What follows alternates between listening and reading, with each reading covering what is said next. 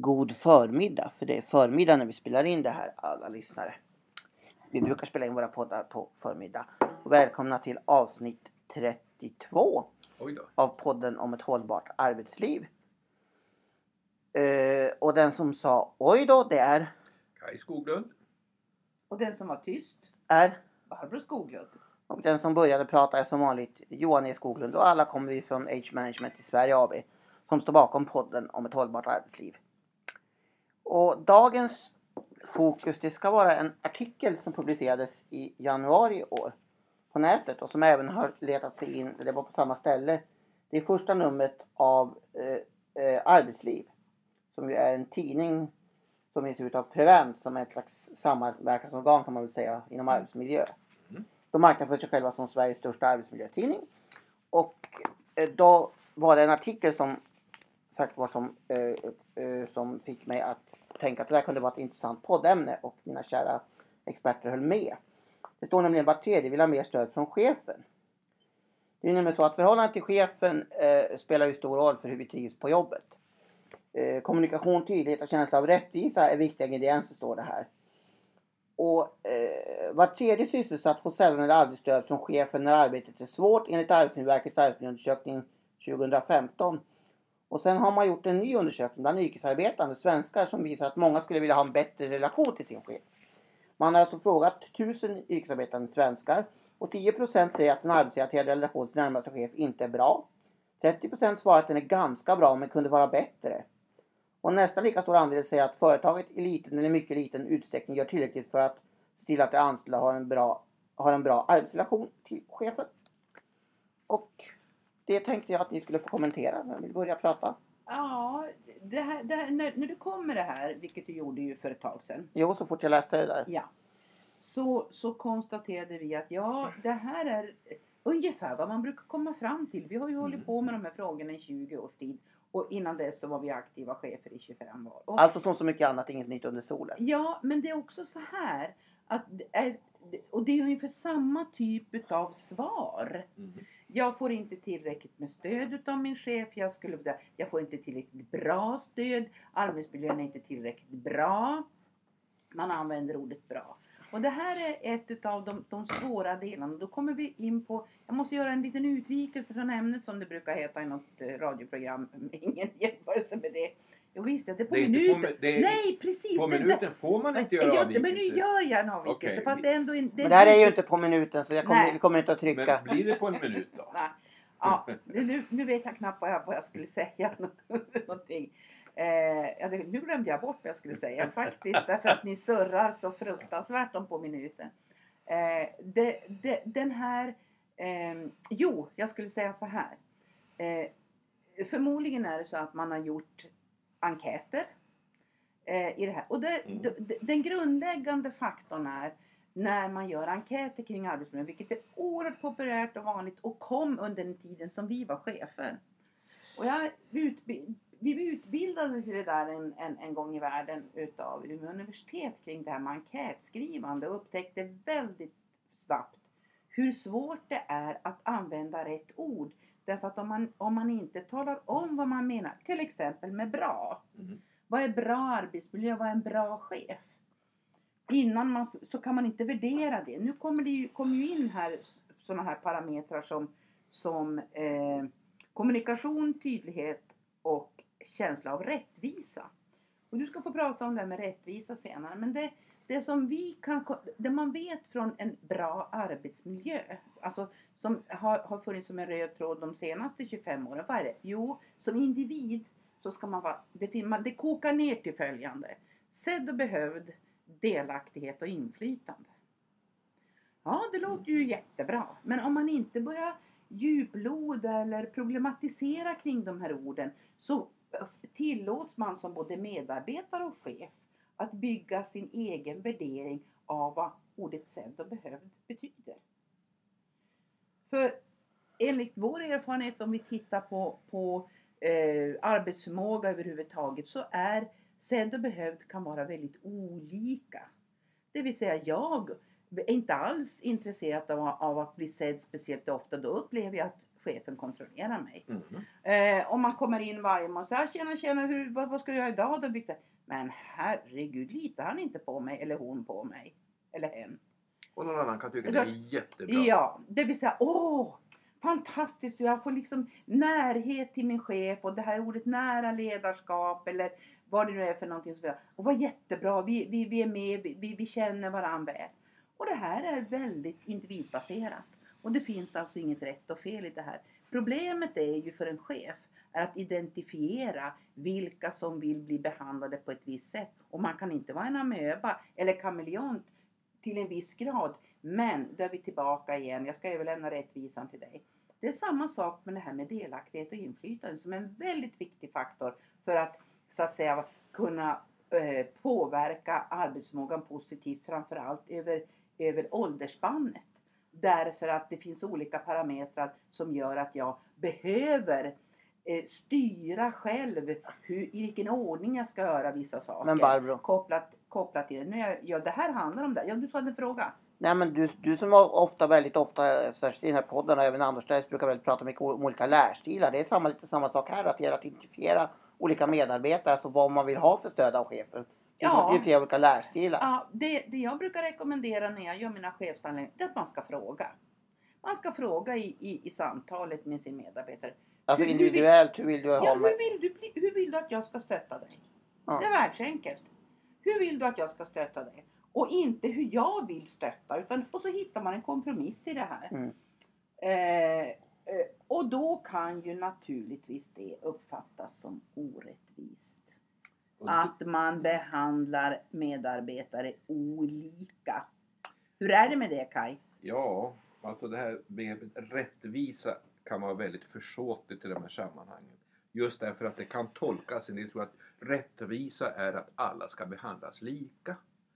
Och vi brukar säga när vi har varit ute och föreläst om det här med Alltså på, arbetsförmåga. på samma sätt. Ja, Lika på Likadant. samma sätt ja. och då har vi sagt att vi är handelsresande orättvisa. Och om vi tar då det forskningen säger om arbetsförmåga eller prestationsförmåga om man så vill så vet vi att dels den varierar över tid för alla individer.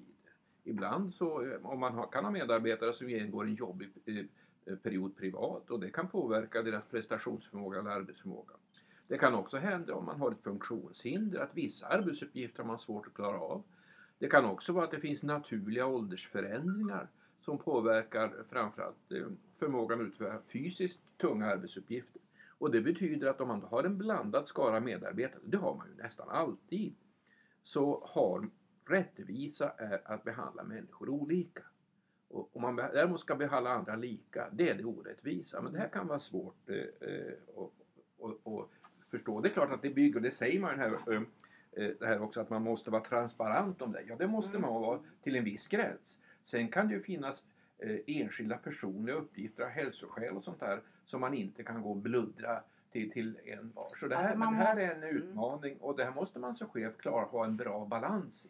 Man måste vara noga med vad som är, alltså ordet transparens står också sånt här Mm, mm. ord som kan, som kan alltså ställa krav och som kan sätta igång eh, alltså krav från medarbetare och sätta igång processer på en arbetsplats som är helt förödande. Mm. Därför att man bryter mot allt vad eh, sekretess heter när det gäller personfrågor och, och, och, och framförallt eh, hälsotillstånd som absolut inte ska vara transparenta. Därför att det är ingen, det är ingen aktivitet för, för medarbetare att ha synpunkter på eller veta om hur till exempel en rehabiliteringsprocess ska gå till. Därför att det, det angår inte någon annan. Och ja, Och det kan vi påpeka att i de flesta samverkansavtal som vi ser åtminstone på offentlig sektor. Det står det till och med uttryckligen att frågor rörande enskilda individer, till exempel hälsosystem, får inte diskuteras på arbetsplatsträffar. Alltså samverkansavtal mellan de fackliga Ja. organisationerna och arbetsgivarorganisationerna. Jo. Precis. Och det innebär att det här måste man kunna navigera i. Mm. Och här måste man då, den här tydligheten som också står i ingången här. Då måste man ha både kunskap och mod som chef. Mm. Att vara tydlig med vad man som medarbetargrupp ska veta om i det transparenta. Och vad man absolut inte ska med. Därför att om man börjar, om man börjar prata på, om individer på ett sätt som faktiskt bryter mot den här typen utav etik och avtal. Då, börjar ju, då, då bli, sprider det sig ju naturligtvis en oro. Jaha, om man pratar så där om min kollega XX, om, det, om någonting skulle drabba mig, inte kan jag prata om det med min chef, för då får ju hela gruppen reda på det som är... Alltså, det är en farlig väg att gå. Man måste tänka sig för när man pratar transparens och rättvisa. För det har sina akilleshälar. Mm. En annan Vänta, Johan viftade. Ja. Nej, jag hade bara... mm, Jag tycker det där med individualism är väldigt intressant. Det ni kommer in på alltså just eftersom jag själv är en, är en väldigt individuell individ och hur man ska behandla individer på olika sätt. Och därför hörde jag en mycket intressant intervju som eh, egentligen handlar om något helt annat. Men det är alltså, ett antal, det är alltså några hjärnforskare och en fotbollsexpert som har skrivit en ny bok som heter Järnboll. Okej. Och en av dem var intervjuad i P1 Morgon. Och de har alltså gjort skanningar på ett antal mycket stora fotbollsspelare och kommit fram till att vad som gör... Och deras hjärnor. Ja, och vad som avgör om man är en bra fotbollsspelare inte, det sitter inte, alltså bollkänslan sitter i hjärnan. De har en speciellt utvecklad hjärna, Ja. så fötterna spelar ingen roll.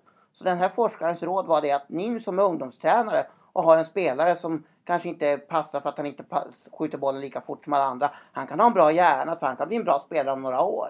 Så att man kan inte avgöra bara på bolltalangen vem som blir en bra. Men, fotbollsspelare. men då, och då kommer vi in på det här som vi faktiskt av olika anledningar eh, har, har, har, eller har fått klart för oss. En skicklig, om det gäller fotbollsspelare, basketspelare, Mm. jo, ser spelet. Alltså har någon Mm, slags känsla för att det är så här man, ja vad det nu är för någonting. Och det måste vara hjärnan som gör det här. Mm. Det är inte fötterna och det inte, utan det är hjärnan. Alltså man registrerar den här typen Hallå? utav, ja. Där kan vi ju se, för det vet vi av mångårig erfarenhet, att det finns ju chefer som, om vi tittar på ledaregenskaper, det finns ju exakt samma. Det finns ju Mm. de som har det här helt naturligt. Mm. Sen finns det de som absolut inte har det och absolut inte kan lära sig det. Och en stor grupp är ju ändå sådana som kan utveckla sin förmåga till ett gott ledarskap. Men man behöver träning och utbildning. Ja men framförallt är det så här att det man inte kan träna sig till det är skillen. Det är skill. Alltså det här låter ju väldigt konstigt. Men alltså jag, jag, efter att ha hållit på med det här med, med ledarskap på olika sätt i, vad blir det nu, 20-45 år. Mm. Mm. Mm. Eh, så jag, jag blir mer och mer övertygad. Alltså den här, man, kan, man kan träna upp en medioker men väldigt intresserad. Men man, man kan Ja. aldrig göra den till topp. Nej. Men däremot så en som har en skill, Mm. alltså som har skillen och det är den här känslan av till exempel när man ska gå fram, när man ska backa bak, när man ska kompromissa, vad man ska kompromissa om, hur man ska leda de här som inte, som man, det är ingen checklista man ska bocka av utan det här, det här ska finnas precis som den här spelhjärnan på, på, på fotbollsplanen eller på basketplanen. Va, vad är det som gör att jag, att jag gör det här? Ja, jag hade någon Eh, någon av mina eh, chefer som jag har handlett under årens lopp, och det har ju varit några hundra, sa så här. Jag bara gör. Mm. Hur, hur går det här till? då?" Jag, bara gör, sa hon. Och, och, och log nästan lite generat när hon sa det. Eh, men det är fortfarande så att det är... Sen, sen finns ju en massa teknik runt Men det, jag brukar kalla jag det har en-. Mm. En sak till som jag vill också lägga in en parameter som jag tycker är lite, om vi nu ska vara lite dagsaktuella, för när vi spelar in den här podden så är det fredagen den 4 eh, maj 2018. Och vad har hänt idag? Och idag för eh, cirka en timme sedan fick vi reda på beskedet att Svenska Akademin kommer inte att dela ut något Nobelpris i år utan det blir två pris nästa år. Så nu är vi, Kanske- chans, nu är vi kanske- chanslösa som författare i år. Eh, Då. Ja, kanske men- två pris, det har Pro- de inte Nej, bestämt, kanske två nej. pris. Men vad vi vill komma till där, att där har vi ju verkligen, på tal om det här med hur man ska behandla ledarskap, där har vi verkligen talat om en grupp, det är Adeton, där man verkligen har spelat upp inför öppen ridå. Ledarskapets olika vedermödor och när man diskuterar, har ständiga sekreteraren varit en bra ledare? Alltså där kan man tala om ett om, arbe- Och vad om, man nu, om man nu skulle kalla deras torsdagsmöte för en arbetsplatsträff, vilket kanske är fel att göra. Men så har ni i alla fall spelats in för öppen ridå. Ja. Med tanke på stöd från chefen, det var det jag ville komma ja, till. Och det, det, jag, det jag faktiskt måste nu när du lyfter det här. Mm. Så jag var i bilen när, när det här beskedet kom och det, vi hade diskuterat det. Och jag faktiskt sa ganska tidigt i den här processen när det började bli publikt vad som Mm. hände. Det här kommer aldrig gå. Det ska visst delas ut ett Nobelpris. Nej, så jag tror inte på det. Eh, har ni hört, har ni hört så att säga, kommentarerna på radion? För det gjorde jag på vägen hit, mina kära kollegor. Nej. Nej. Nej. Där man också har översatt det direkt därför att Nobelkommittén har lagt ut ett pressmeddelande om det här på engelska. Okej. Ja, så att det spekuleras nu, spekulerades då i studien om att Nobelkommittén och eh, DNs eh, kulturchef Men om vi skulle ta och, ja, mm. ta och Jag har eh, en försöka... sista, sista kommentar. Låter bra det så kan vi Jo, i, knyta slut, ihop säcken. I slutet på den här artikeln så tar man upp eh, chefernas förutsättningar. Och skriver så här, många förväntar sig att chefer ska vara med i väldigt många olika sammanhang. Vara duktiga på själva arbetet och dessutom ständigt tillgängliga för samtal med medarbetarna. Men chefer måste prioritera vad de engagerar sig i och även det behöver balans och återhämtning. Så, och så är det ju. Men i det sammanhanget vill jag också skjuta in, även, om, äh, även chefer har ju alltid ansetts vara en del av arbetsmiljön. Men det har gått så långt så att eh, Arbetsmiljöverket i den nya föreskriften, ja den är rätt nygammal nu om organisatorisk social arbetsmiljö, sä- sätter sig föranlåtna att särskilt understryka att även chefer omfattas av eh, arbetsmiljön och Arbetsmiljölagstiftningen. arbetsmiljölagstiftning och även det behövs även de som prioriterar åt chefer ibland. Mm. Men därmed var jag färdig. Men det, och då, då vill jag bara ytterligare, ja därför att det är det här, precis det här. Mm. Jag läste det så tänkte ja det finns ett ansvar för chefer att prioritera bort. Mm. I denna paragraf 10 och Absolut. denna 2015 kolon 4. Eh, och det gäller då eh, även för chefers arbetsmiljö, för chefer har också en chef. Ja. Och, då, och det, i det här ligger det, och, vem, och i offentlig sektor så är det så att den, som, den funktion som har det eh, högsta ansvaret för arbetsmiljön i en kommun eller i en region, landsting. Vad är det? Ytterst är det ju fullmäktige. I Ja. praktiken kan man säga att det kan vara styrelsens ordförande. Ja. Ja, rent, rent så att säga. Men vi, vi, vi ska inte gå in djupare på det. Men det, det betyder så att säga att det finns, ska finnas en arbetsmiljöparameter i de beslut som fattas i fullmäktige. Jaha, nästa podd, vad blir det? Ja, det har vi inte bestämt, det har vi inte bestämt än så får vi se då. Men jag vill däremot bara eh, avsluta med en liten historia om det här med just vem är chefen. För att när, vi- när man växte upp på 80-talet så fanns det en serie som hette Doktorn kan komma. Som handlade om, om läkarna på en läkarstation i Australiens Ja, vildmark. Mm, mm. Och i den serien förekom det också, Flying förekom det också en präst, byns präst. Och vid ett tillfälle så när prästen kom tillbaks till byn frågade var har du varit? "Ja, Jag har varit uppe på ett, eh, uppe på ett berg och pratat med högsta chefen. Jaså, säger de, var, var biskopen där? Nej, nej, nej, jag pratar naturligtvis med Gud. Okej. Och jag menar, det är inte så lätt att veta vem är, vem- vem, vem är chef över... alltså? Ja. Där, där kan man tala om dubbelt ledarskap. Det var väl det jag ville inflika. Att Ja. man, det är inte alls lätt att veta vem som är chefen. Mm. Men med det så säger jag väl då... Eh, Kaj säger tack för idag. Och Barbro säger tack. och det gör också Johan. Tack och hej.